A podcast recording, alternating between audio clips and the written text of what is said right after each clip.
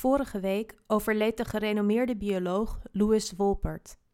Generaties studenten leerden de belangrijkste principes uit de ontwikkelingsbiologie aan de hand van zijn tekstboek, Principles of Development, de officieuze bijbel van het vakgebied. Haast even bekend is zijn uitspraak over een specifiek ontwikkelingsbiologisch proces, dat van de gastrulatie. Het moment waarop een vormeloze klomp cellen door middel van complexe en dynamische bewegingen het zich ontwikkelende embryo letterlijk van een kop en staart voorziet. In de woorden van Wolpert: It's not birth, marriage or death, but gastrulation which is truly the most important time in your life. Vrij vertaald en met een iets Calvinistischer insteek: we hebben allemaal ons hoogtepunt al lang achter de rug. Als wetenschapper heb ik mij als doel gesteld om dit soort complexe, essentiële biologische processen te ontrafelen. Om te snappen hoe ze worden uitgevoerd door de haast ontelbare hoeveelheid cellen die de bouwstenen van het menselijk lichaam vormen. En vooral om te begrijpen op welke manier die cellen op hun beurt worden aangestuurd door subtiele, soms nauwelijks meetbare moleculaire signalen. Mijn studenten vertel ik wat naar mijn idee de grootste uitdagingen zijn voor deze eeuw in ons vakgebied. Namelijk dat we al deze moleculaire details niet alleen kunnen meten en hun werking begrijpen, maar dat we uiteindelijk ook daadwerkelijk snappen hoe uit dat samenspel van losse moleculen als door een godswonder iets ontstaat dat we leven noemen. Iets dat zichzelf organiseert. Van de strepen op een zebra tot de kleurrijke patronen op de vleugels van een vlinder en van bevruchte eicel naar een compleet mens met een keur aan weefsels en verschillende organen. Een mentor leerde mij ooit, toen ik nog student was, dat je je als wetenschapper nooit moest afvragen waarom iets zo was. Die vraag veronderstelt immers dat ergens een reden of een hoger doel aan ten grondslag ligt.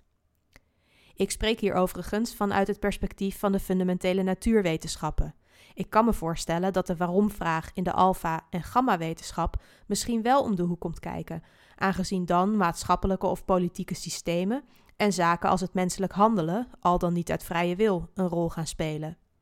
Laat ik het dus vooral dicht bij mezelf houden. In mijn onderzoek stel ik inderdaad graag de vraag: hoe werkt dit? Wat is het specifieke mechanisme? Waar gebeurt het? Wie zijn erbij betrokken? Het is misdaadjournalistiek op moleculair niveau. Afgezien dan dus van die ene vraag die we juist als kinderen al zo graag en zo eindeloos vaak stellen: waarom? Iemand vroeg me deze week of ik in de wetenschap niet hetzelfde zocht als anderen in hun geloof, namelijk zingeving. Het heeft me aan het denken gezet. Geeft de wetenschap, ondanks het feit dat ik die waarom-vraag zelden stel, toch doel en richting aan mijn leven? Is de wetenschap stiekem mijn religie? Ik denk het niet, hoezeer ik er ook verslingerd aan ben. Je zou het een verslaving kunnen noemen. En hoe fanatiek ik mezelf er ook in kan verliezen, mijn eindeloze honger naar kennis is niet zaligmakend. Die waan heb ik laten varen op het moment dat ik me realiseerde dat ik nooit een Nobelprijs zou gaan winnen. Sterker nog, hoe langer ik deze tak van sport bedrijf, hoe meer ik tot het besef kom dat ik nooit alles zal weten laat staan begrijpen. Als wetenschapper en als hopeloze romanticus geef ik me daarom graag over aan dat gevoel wat in het Engels zo mooi wordt omschreven als the sublime. De ervaring van iets groots, wat zich niet zomaar laat vangen in berekeningen en beschrijvingen. Het gevoel dat je krijgt wanneer je een blik omhoog werpt op de sterrenhemel. Bij het uitzicht vanaf een hoge bergtop over een vallei met laaghangende mist. Of bij een timelapse video van een gastrulerend embryo. Soms is het geheel nu eenmaal meer dan de som der delen. En het mooie is, het weten doet aan die verwondering niets af. Laat ik, voor de gelegenheid, deze zondag eindigen met een korte overweging.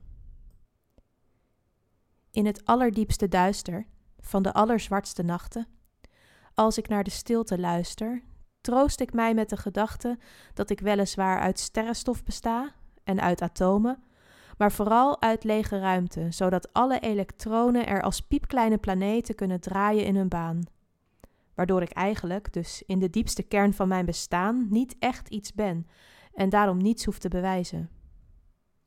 Het geeft een vreemd gevoel van rust, dat ik met elke ademhaling meer versmelt met het heelal, omdat alles bij herhaling met elkaar verbonden is, zodat de zuurstof in mijn bloed, nu misschien mij, maar in een ver verleden, Caesar heeft gevoed.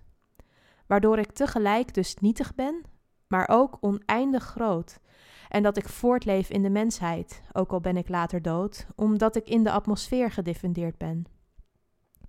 En in de wetenschap dat ik niet origineel ben, en in de wetenschap dat niets er echt toe doet, dat ik niet meer ben dan een hoopje lege ruimte, draai ik me om, adem ik in en slaap ik goed.